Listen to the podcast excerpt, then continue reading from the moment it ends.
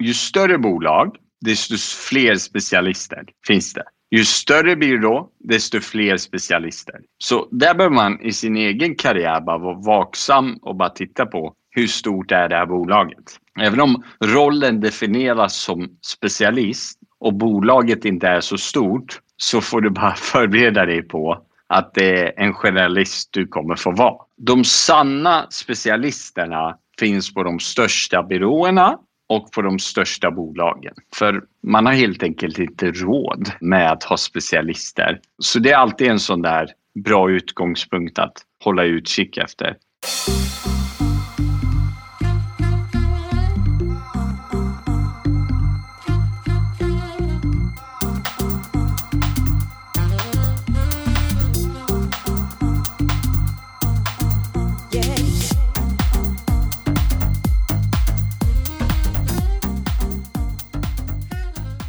Välkommen tillbaka till Digital marknadsföring med Tony Hammarlund. Det här är en podd där jag intervjuar branschexperter och marknadsförare för att lära mig mer om digital marknadsföring. Mitt mål med podden är att bli en bättre marknadsförare och samtidigt dela med mig av intressanta samtal med några av Sveriges bästa marknadsförare. I det här avsnittet tar vi upp något som det pratas alldeles för lite om, men en viktig fråga som alla marknadsförare behöver ställa sig under sin karriär. Och det är när det är rätt att vara generalist eller specialist, samt vad det faktiskt innebär. Med mig för att prata om det här har jag Arash Gilan som är VD och medgrundare till byrån Viva Media. Och det här ämnet är något han har funderat en hel del över både under sin egen karriär, men också för hur Viva Media tänker kring journalister och specialister, samverkan mellan dessa och hur man har organiserat sig. Arash är även författare och har skrivit tre böcker, Get Digital och Die Trying, Apparnas planet och den senaste som heter En jävel på e-handel. När han inte skriver böcker så skriver han även artiklar på bland annat Breakit, Resumé och Dagens Media. Och Arash driver dessutom VD-podden där han pratar med ledare, chefer och experter om bolagsbyggande. Som om inte det vore nog så är han också en populär föreläsare och en sann generalist.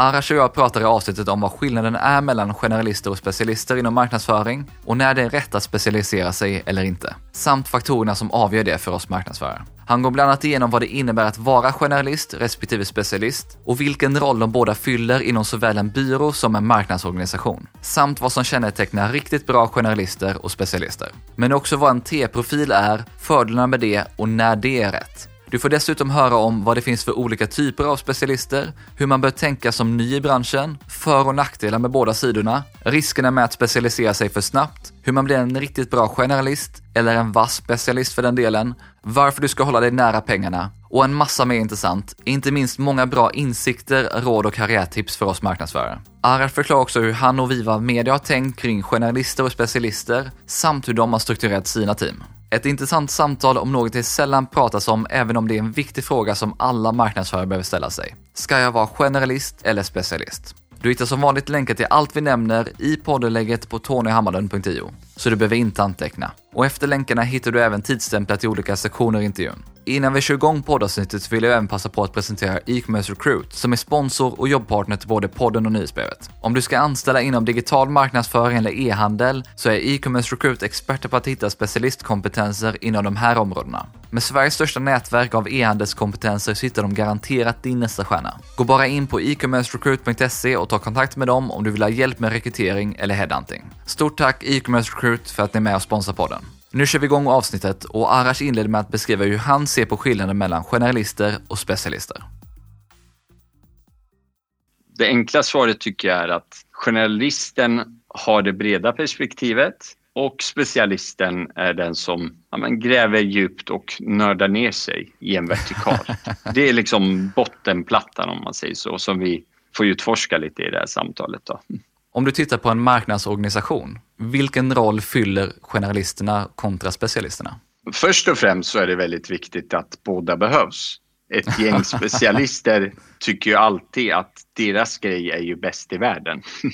uh, och att alla pengar ska läggas där. Och så bör det vara, det där deras passion är, det där deras intresse är. Liksom. Det är ju som att sitta med en seo och bara fattar du inte att allt handlar om SEO liksom. Och, och så går du till någon TikTok-fan och men, oh, är du dum i huvudet om du inte lägger all krut på TikTok idag liksom.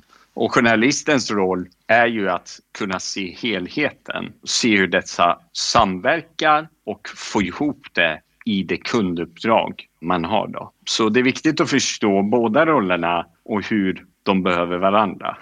Ja, för de behöver ju verkligen varandra. För som du säger, en specialist blir väldigt lätt det här, om allt man har är en hammare så ser ju alltid ut som en spik. Att man försöker ja, precis. lösa precis varenda problem med det man kan.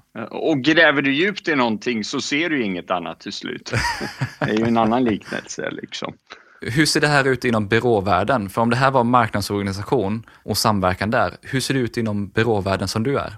Generellt kan väl säga så försöker man ha kundansvariga Eh, om de kan heta account managers om det är liksom, ja, en vanlig roll eller account directors, lite mer senior, större roll, har oftast ett bredare och strategiskt perspektiv eh, för kunden. Det är de som tänker lite mer på affärerna, helhetsgrejen och till sig så har man ju liksom en projektledare eller en planner som också tänker lite bredare. Sen har du leveranserna och det är liksom oftast kan vara kanalerna då är det specialister som gräver ner sig. Men du har också olika former inom, ja men säg varumärke eller copy eller foto. Även där finns det ju också specialister. Och sen finns det byråer som oss eh, som försöker täcka helheten av marknadsföring. Och sen finns det rena nischbyråer eh, som tänker att nej men vi vill bara bli riktigt vassa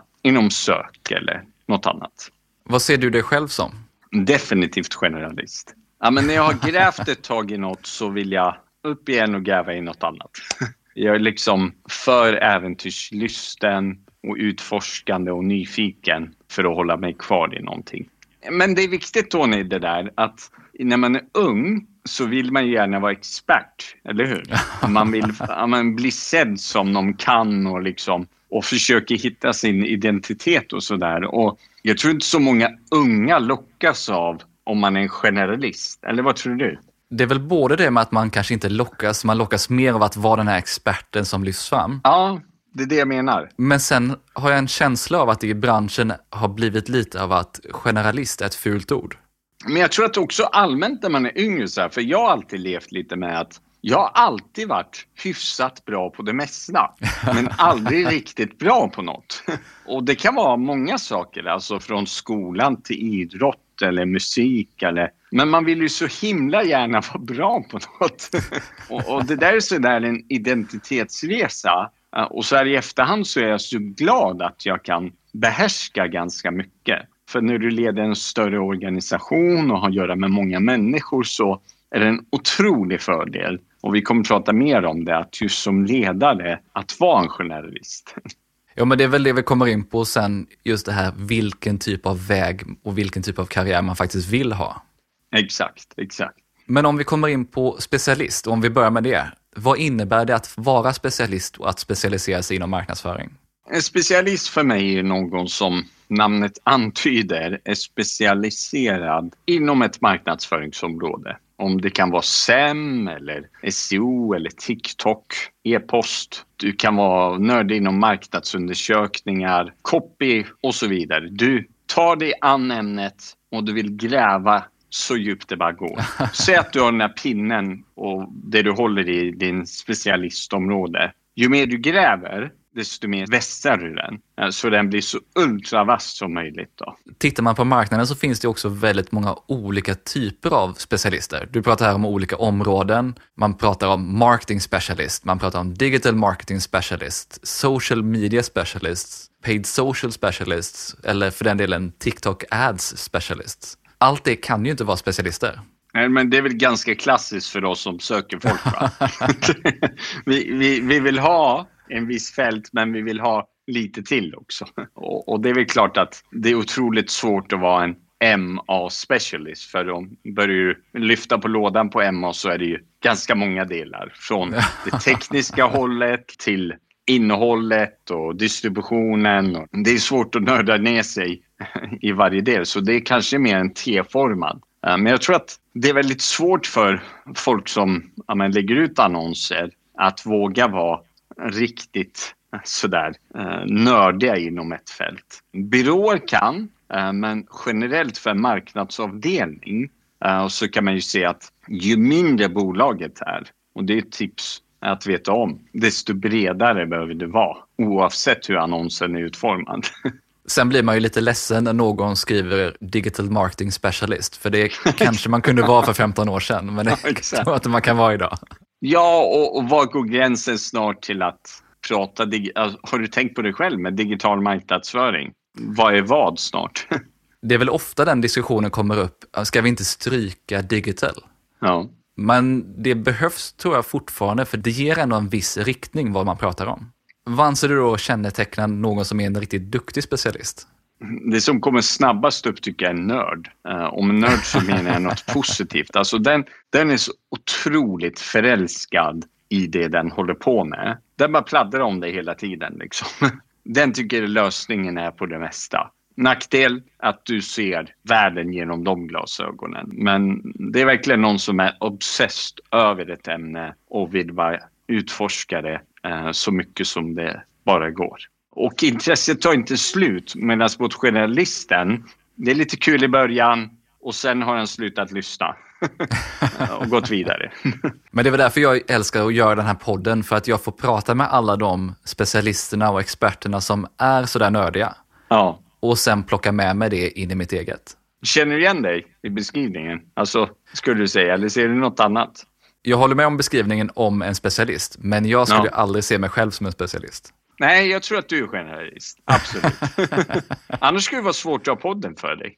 Ja, jag skulle bara fastna i första bästa ämne. Exakt, exakt.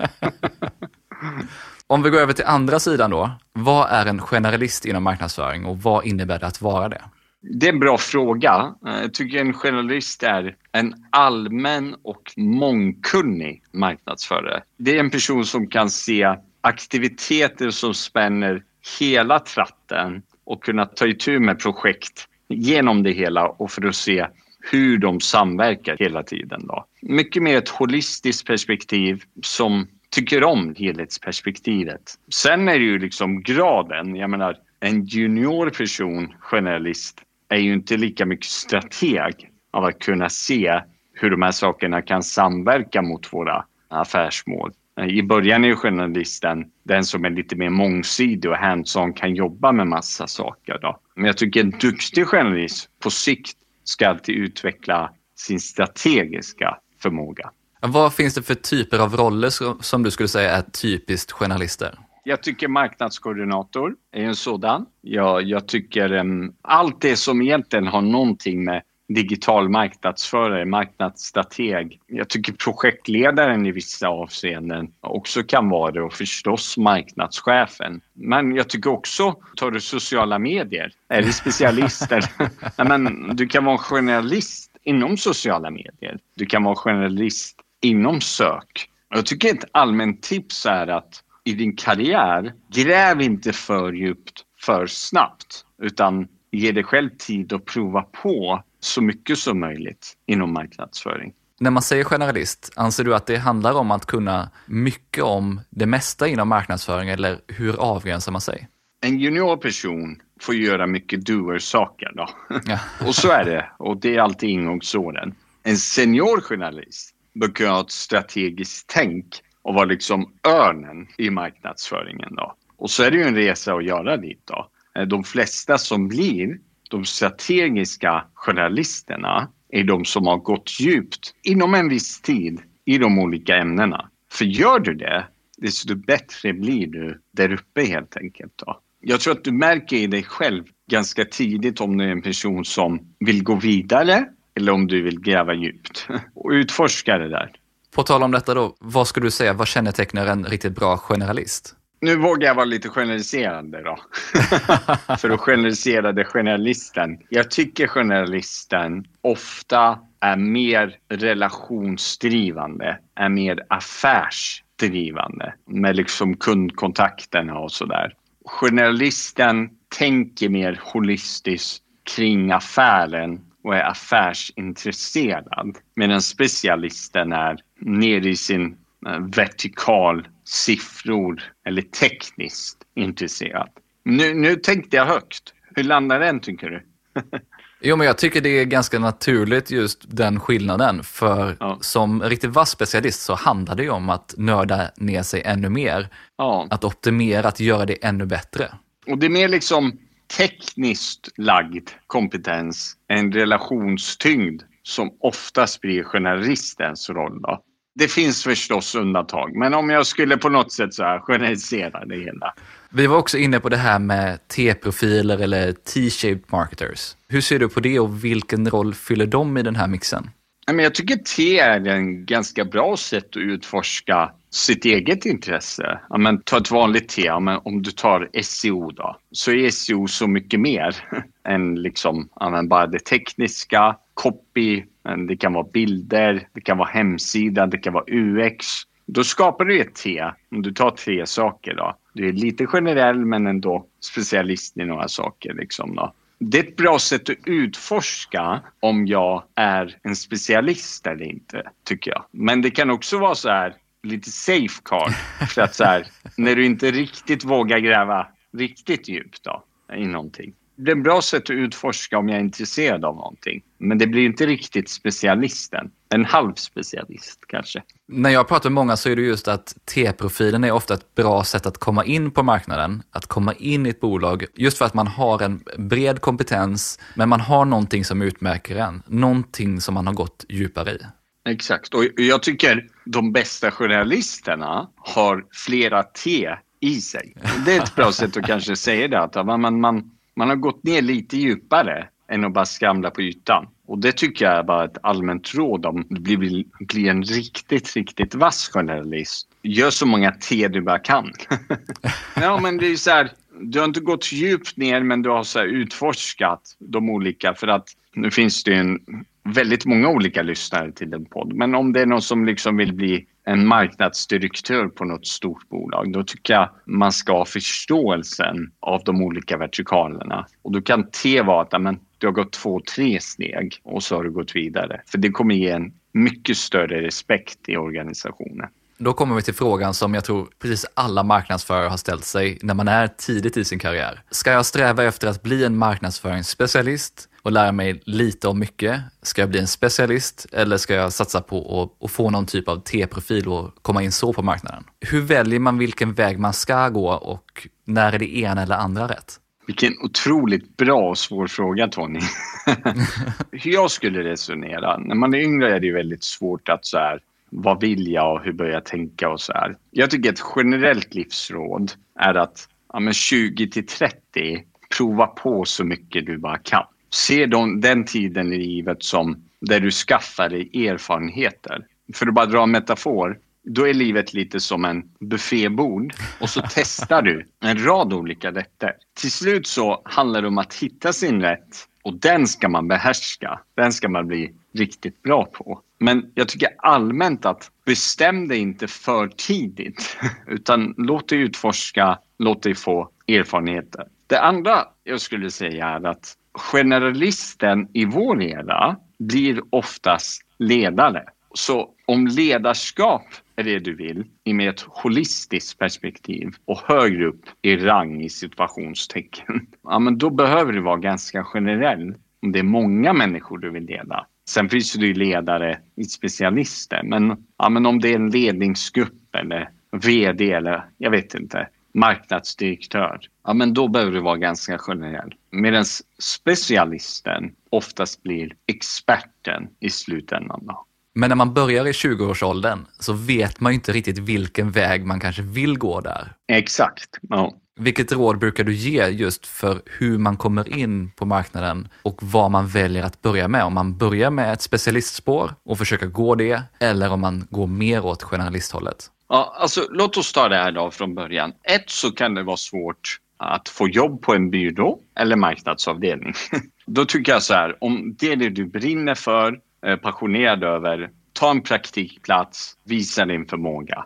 Så hade jag gjort. Är du yngre i karriären så tycker jag att du ska prova på lite bredare roller för att prova de olika delarna. Men till exempel en marknadskoordinator, en ganska bra tjänst för att bara känna av hur det funkar på en marknadsavdelning. Är det så att du vill in på en byrå så söker ju byråerna oftast någon form av specialister. Då. Det behöver inte heller vara en fara. Att, men så här, säg att man söker en SEM-manager. Ja, men om du har provat det, du tycker det är lite kul, ta en sån tjänst. Prova det. Det behöver inte betyda att det är det du gör hela livet.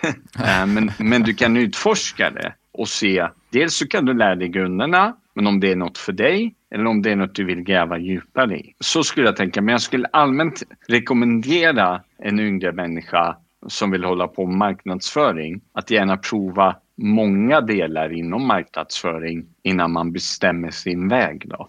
För det är ju lätt att man fortsätter på samma spår, man kommer in på någonting oh ja, oh och sen ja. går det bara farten. Utan att man egentligen har tänkt på vad man egentligen vill hålla på med och om det här leder mig närmare min dröm om att vara marknadsdirektör om ett par år. Ja, absolut. Och, och där måste du, kan vara svårt när man är yngre, men, så här, men vad är det jag vill? Vad är det jag vill vara om tio år?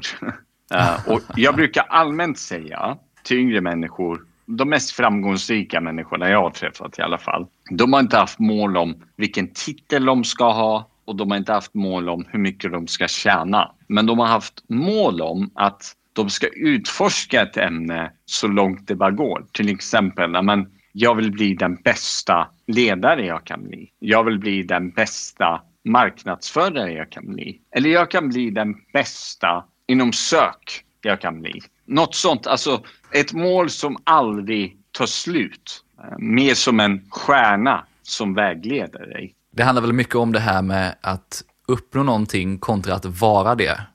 Bra sagt. Det var visdom. om vi skiftar fokus lite. När är det rätt att vara specialist kontra generalist? Det finns ju många saker som det beror på, allt från bransch, område, vilken disciplin det är, vilken teknik man arbetar med, storlek på bolag eller för den delen vad man då brinner för. Mm. Men vad är det som avgör om mer åt generalisthållet man ska gå eller mer åt specialist? Alltså generellt kan man väl säga att ju större bolag, desto fler specialister finns det. Ju större byrå, desto fler specialister. Så där behöver man i sin egen karriär bara vara vaksam och bara titta på hur stort är det här bolaget. Även om rollen definieras som specialist och bolaget inte är så stort så får du bara förbereda dig på att det är en generalist du kommer få vara.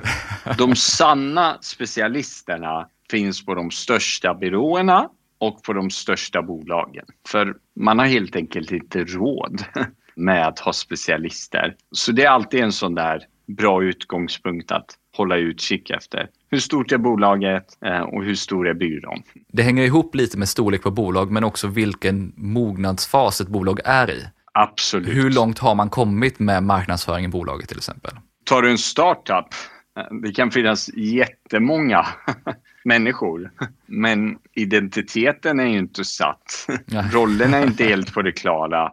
Där får man ju vara mer lite på det klara med att det är lite mer kaos man går in i. Liksom. Har du ett äldre, finare varumärken, skönt, stabilt, men kanske inte så mycket utrymme för din kreativa och förändringar. Så mognadsfasen avgör egentligen hur mycket förändring ett bolag är, hur järva uh, man kan vara. Och det här är också en fara för bolag, för du vill inte bli för cementerad uh, i ditt Nej. sätt att vara och uttrycka dig idag.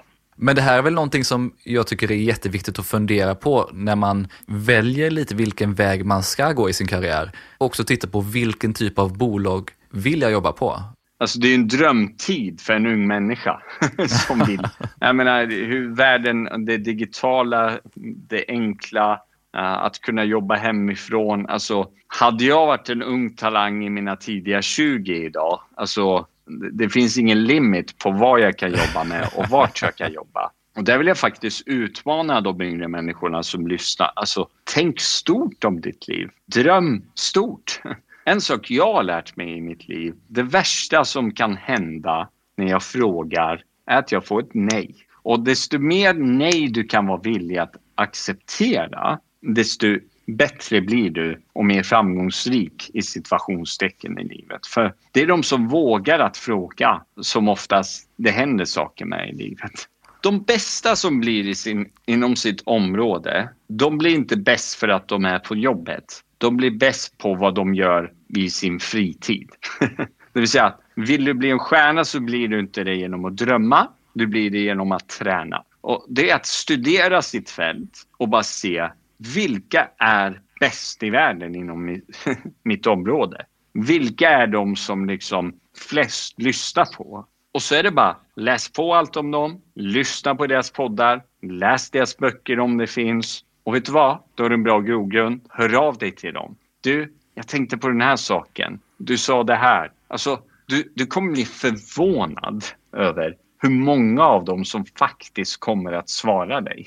Och du börjar nätverka, du börjar bygga relationer. Kanske någon av dem har en firma, kanske driver en byrå, kanske finns det en praktikplats, kanske finns det ett jobb. Vill du bli något inom ditt område, lägg manken till. Man blir inte bara det. Och jag tycker också det är jätteviktigt att man inte bara tittar på specialister och experter, för det är ju lätt att det blir så att man tittar bara på den typen av personer som är vassast på ett litet område, utan att det finns otroligt duktiga generalister, marknadschefer eller andra personer som sitter på otroligt mycket kunskap inom det. Ta i Sverige, jag tycker Erik Modig är en otroligt duktig marknadsstrateg som tänker holistiskt kring marknadsföring ta internationellt eh, marknadsföringens rock'n'roll idag, Mark Ritson. Liksom, det finns sådana personer som tänker mycket bredare eh, och generalister. De här personerna de skriver saker, de medverkar i grejer och de är det också bara att höra av sig till.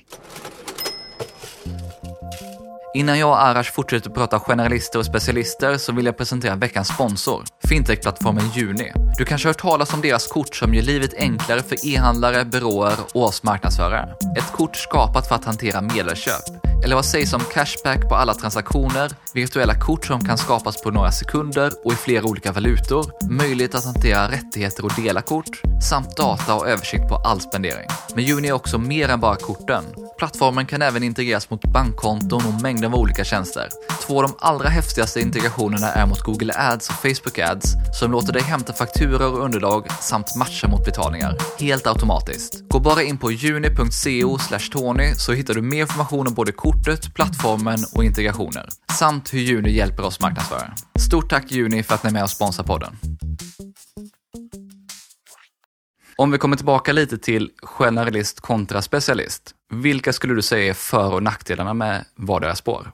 Ja, men det är en bra fråga. Om vi tar specialist så du blir väldigt vass inom ett område. Det är en stor fördel. Du är en person som efterfrågas inom ditt område. Du är en person som kommer kallas in från ledning och ledande befattningar för att bli lyssnad på inom ditt område. Så du kommer ha maktens öra i situationstecken. och till slut kan du också bli en expert. Någon som de flesta vänder sig till. Inte bara inom din firma men också i allmänhet. Då.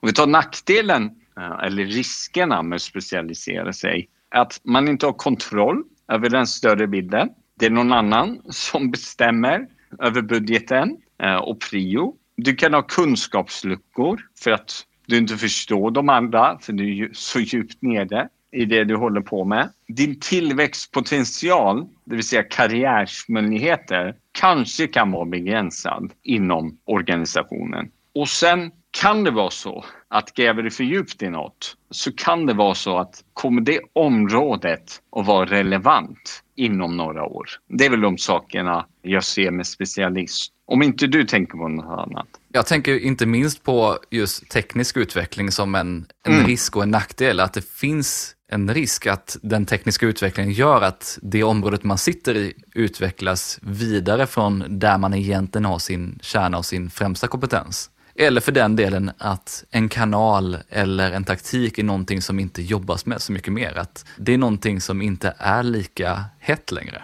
Ja, absolut så. Jag fick en sån där min häromdagen. Tänk att någon gång så loggade du ut ur MSN för sista gången. Och så tänkte jag, skrattade lite och så tänkte jag på Tänk att någon gång så kommer jag att logga ut från Instagram för sista gången. Och så kan man tänka, det kommer aldrig hända. Men jo, det kommer att hända. Och så är det. Och det är ju specialistens fara eller risk eller nackdel. Då. Men det här är specialisten. Vad är för och nackdelar med att vara generalist? Generalisten har ju då förmånen att kunna, om vi tar fördelar, holistisk. Den har ett större oftast ansvar över budget och strategier. Då, då. Den får bestämma mer ofta helt enkelt. Då. Så gillar man det, ja men då är det rätt. Nackdelen med generalisten är ju då helt enkelt att man är inte ansedd som expert om det är viktigt för en. Ofta så blir det så att generalister blir chefer. Det kommer in en ny VD som börjar rotera, ta bort overheadkostnader. Och vad rycker då? Det är de som är, inte tillför så mycket, som kan lite om det mesta, men bolaget är inte beroende av dem. Då. Det är också en fara. Men ett allmänt råd för alla eh, som jag har lärt mig inom alla bolag och marknadsföring det är ju att hålla sig nära pengarna. och vad jag menar med det, där pengaströmmen kommer in till företaget, det kunderna är beroende av. Ju längre bort du kommer från pengarna, desto enklare blir det ja, men nedskärningar och varsel och sånt. Så ställ dig ofta själv frågan, hur nära är jag inkomstkällan till den här firman? det är en alltid bra fråga för att inte komma för långt ifrån det hela. Då.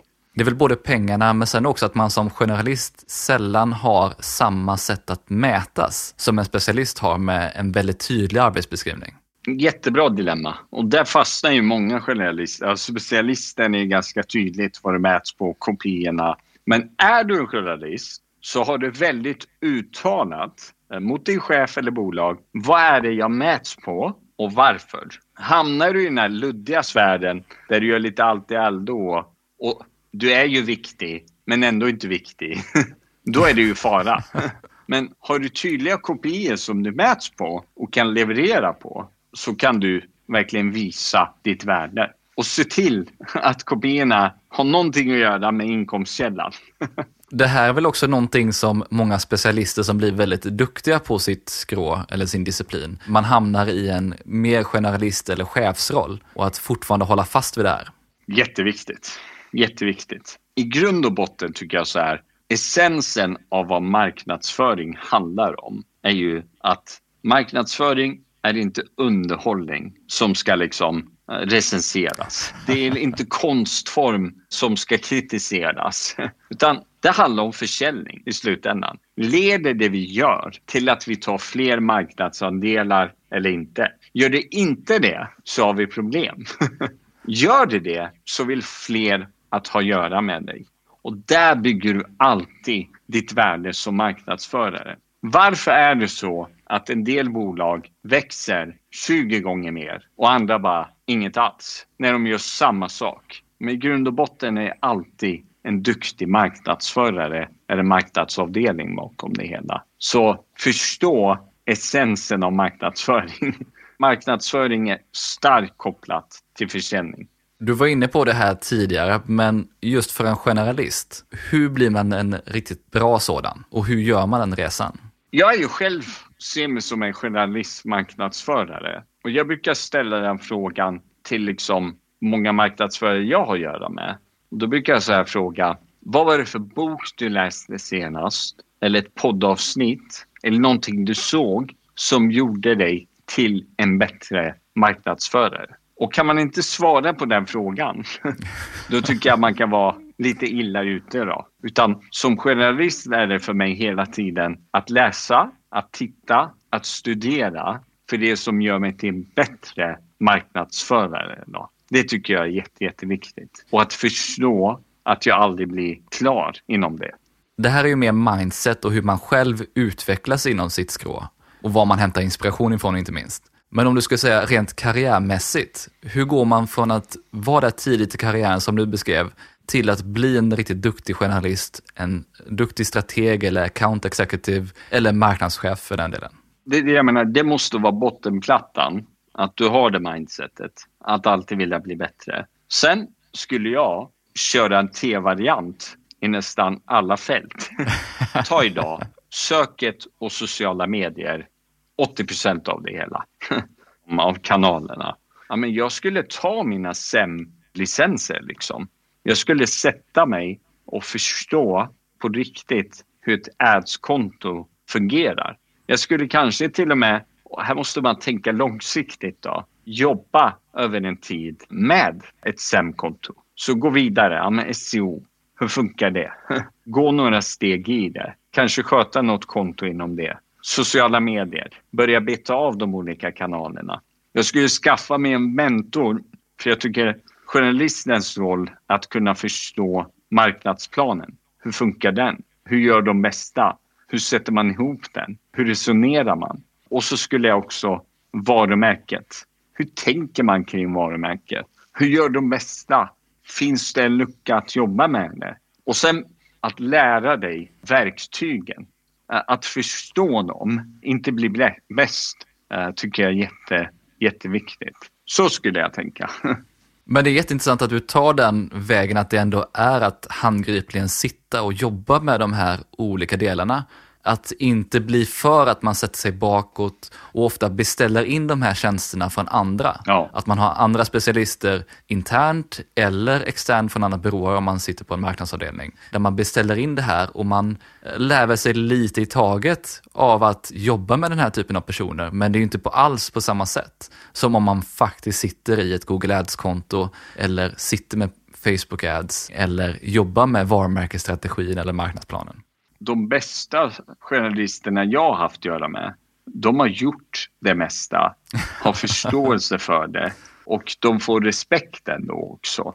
Inte att de bara kan på ett teoretiskt plan, men kan förstå grejerna inom verktyget. Jag menar, för mig som en byråledare, jag tror inte det finns en roll i den här firman jag inte haft eller gjort genom åren.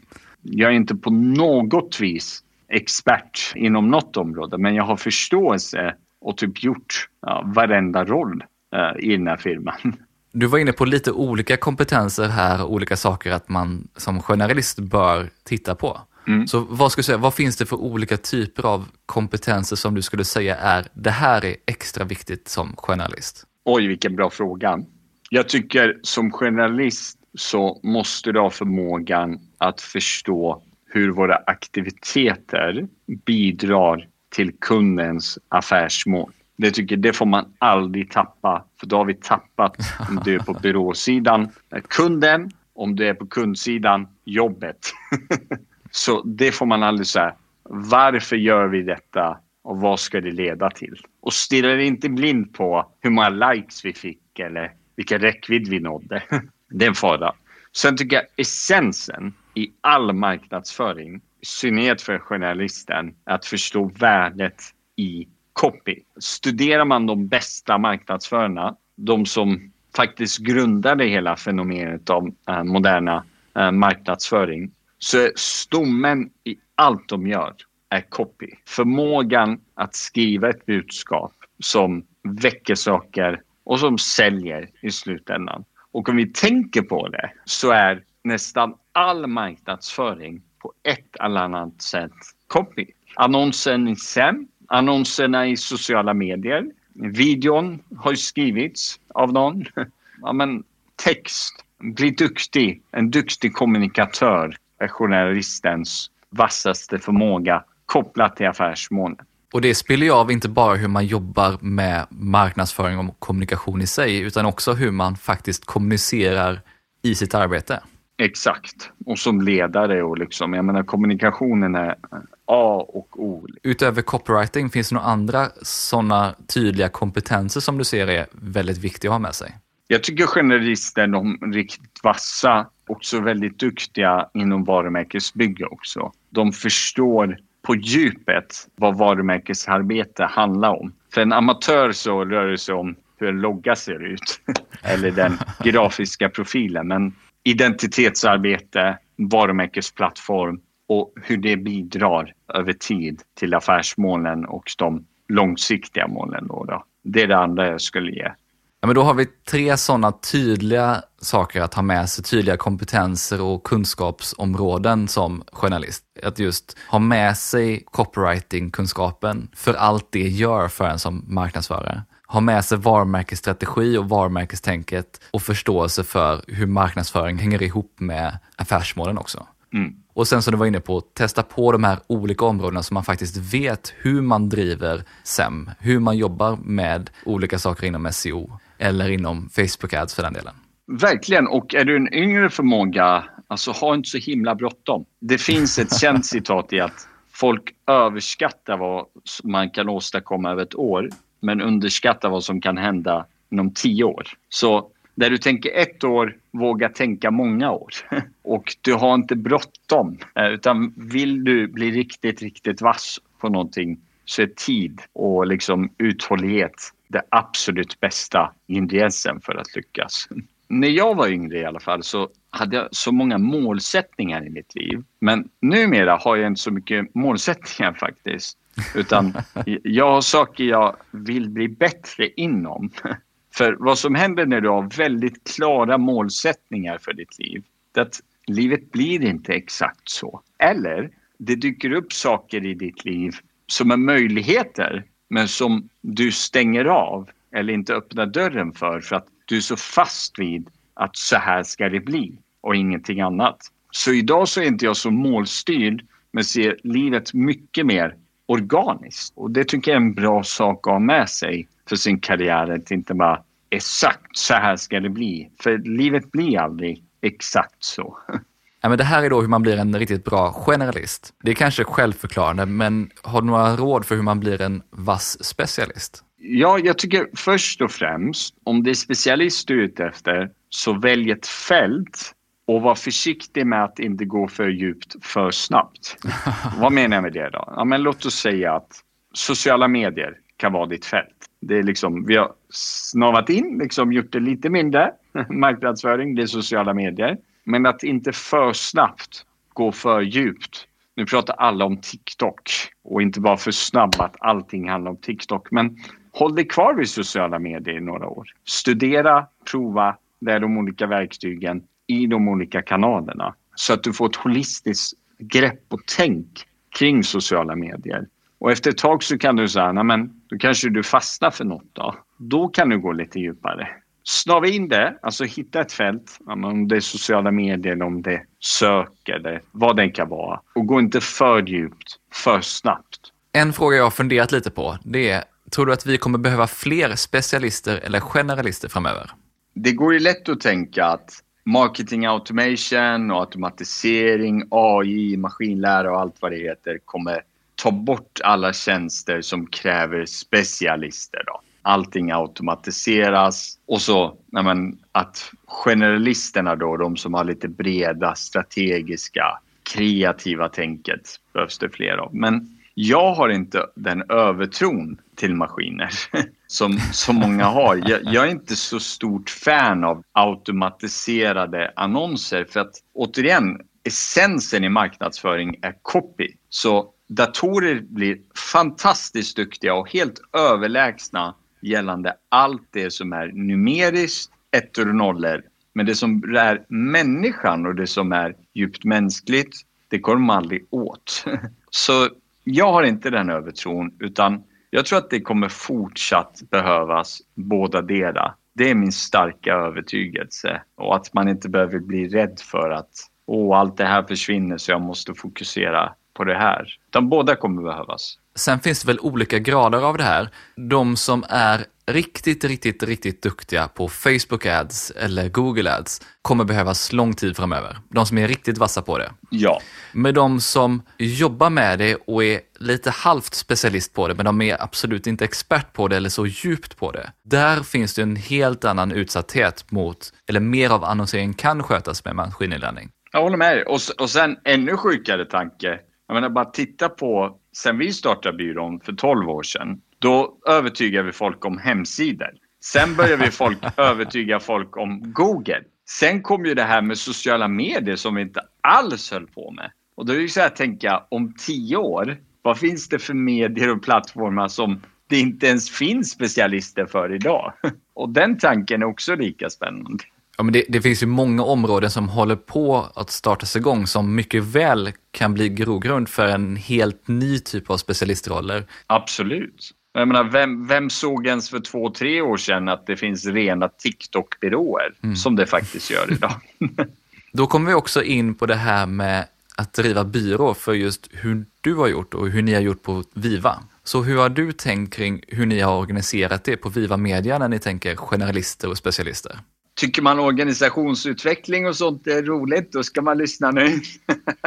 och då är det så här att jag har aldrig gillat den tanken av leveransfolk och säljfolk. Utan hur kan vi bygga en organisation som är dynamisk och kundcentrerad. Jag läste en bok, fem år sedan läste jag den, som heter Reinventing Organizations och fick jättemycket inspiration kring det agila sättet att jobba. Då. Vi bollade det här eh, i ledning och tänkte hur skulle det se ut om vi byggde Viva idag? Och då kom vi fram till teamorganisationen. Då. Och teamorganisationen för oss är att tänk att bygga liksom en massa team där varje team har nästan allt du behöver i en marknadsavdelning i sig och kunna erbjuda det ut till marknaden. Då, då. Det finns en kundansvarig som sköter kunden och har affärskontakten och ja, men det här breda generalisten. Då. finns en projektledare, finns en planner och så finns de olika kanalerna. Och då finns det så här, ja, för SEO, för SEM och för sociala medier och så här. Så allt det som är löpande per månad finns och sen om man behöver ta in projektgrejer, tänk dig teamen som en varsin rund cirkel. Så finns det en större cirkel här bredvid. Säg att man vill jobba med varumärket eller om man vill jobba med den grafiska profilen eller någon 3D. Då kan man ta in den ringen för det projektet under den tiden med kunden. Då. Och så har vi våra stackare overhead, vi som är längst ner här.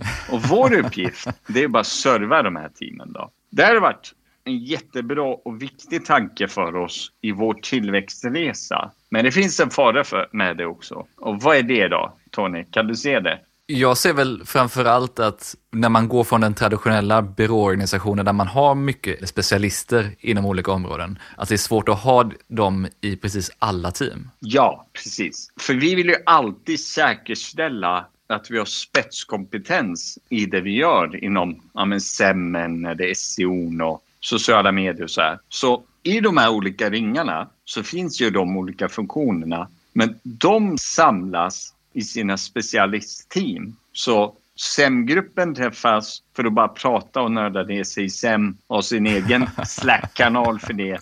SEO-arna, social-gänget och sådär. Och det är ett sätt för att bara säkerställa att vi håller oss i framkant och alltid bara, ja men vad är det latest? Vad händer här? Hur tänker vi till? Och AM-gruppen tänker mer affärer och hur är vi en duktiga och generalister då? Hur stor del av organisationen skulle du säga är specialister på olika kanaler eller discipliner kontra generalister? Vi har långt fler som jobbar med leverans än det som är försäljning. Då, då. Men jag har också velat utmana organisationen kring att alla vi ska vara duktiga affärsmän. Och jag menar just det jag pratade med om att det vi gör ska leda till affärer för våra kunder. Och gör det inte det så har vi någonstans misslyckats. För jag, jag gillar inte den här tänken att en ska sälja i en byrå. Utan jag vill att alla ska vara, så gott det går, duktiga affärsmän eller affärskvinnor helt enkelt. 60-70 procent i vår organisation jobbar mer med leveransbenen och det som är specialister.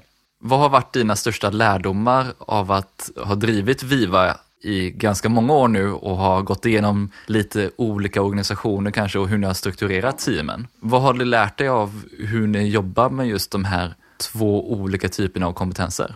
Jag tror att den viktigaste lärdomen du kan ha om du vill driva en byrå, det är att du kan inte ha sätta pengarna först. Du måste sätta människorna först. För allt vi gör är av människor, för människor, genom människor. Talangerna, medarbetarna, alltså det är människor. Vad gör de? Ja, men de servar människor.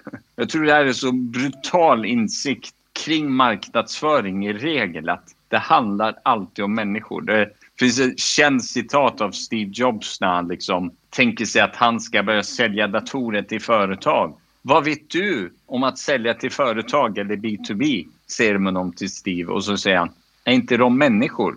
Säger han då. och det där är så en jätteviktig grej att bygg allt för människan, för det är människan som ska göra jobbet. Det där var Arash Gilan på Viva Media och många bra tips för hur man tänker kring sin egen karriär som marknadsförare. Så jag hoppas att du gillar avsnittet. Tipsa gärna någon du tror kan tycka om det här avsnittet och podden och glöm inte av att prenumerera i din poddapp. Dela också gärna dina tankar i en kommentar, ett inlägg eller ett DM. Du hittar som vanligt länkar till allt vi nämnde i poddenlägget på tonyhammarlund.io. Där hittar du självklart länkar till Viva Media, VD-podden och Arash böcker. Och han har även skickat med ett antal länkar och boktips för dig som vill fördjupa dig i frågan om generalister och specialister inom marknadsföring. Har du några frågor eller idéer för framtida avsnitt så är det bara att mejla på tony.hammarlund.io eller skicka ett DM på LinkedIn. Jag vill även passa på att tacka Mikael Lindberg på Better Waves som hjälper till med att producera den här podden och stå för musiken. Vi hörs snart igen med fler intressanta gäster och ämnen.